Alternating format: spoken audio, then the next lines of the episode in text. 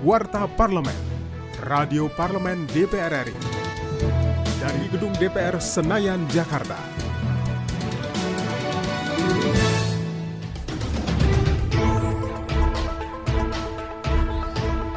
DPR RI meminta pemerintah memperbaiki pola komunikasi dan kampanye pencegahan pandemi COVID-19 dengan mengoptimalkan karifan lokal seperti kampanye oleh tokoh masyarakat dan penggunaan bahasa daerah. Hal tersebut disampaikan oleh anggota Komisi 8 DPR RI Muhammad Husni dan rapat kerja dengan Kepala Badan Nasional Penanggulangan Bencana atau BNPB di Komplek Parlemen Senayan, Jakarta. Ia menilai kebinekaan masyarakat yang sudah ada harus dioptimalkan antara lain penggunaan bahasa daerah dalam kampanye pencegahan COVID-19.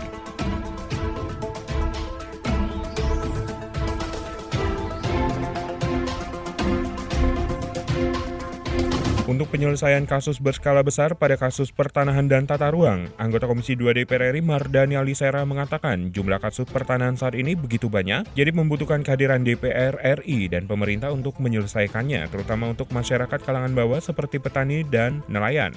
Usai rapat kerja dan Menteri ART BPN di Komplek Parlemen Senayan Jakarta beberapa waktu lalu, ia menilai untuk tim kerja ini tidak ditarget berapa banyak kasus yang diselesaikan, namun lebih mengutamakan kualitas.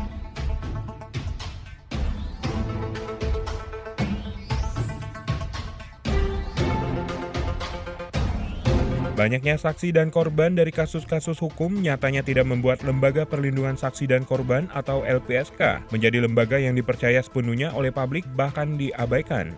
Hal tersebut ditegaskan oleh anggota Komisi 3 DPR RI Muhammad Safi'i dan merapat kerja dengan BNPT, Komnas HAM, dan LPSK di Komplek Parlemen Senayan, Jakarta. Ia menyayangkan terbatasnya anggaran LPSK yang akan habis justru menjadikan kegiatan yang menjadi poin penting di Undang-Undang Nomor 5 Tahun 2018 sebagai kegiatan dengan anggaran cadangan.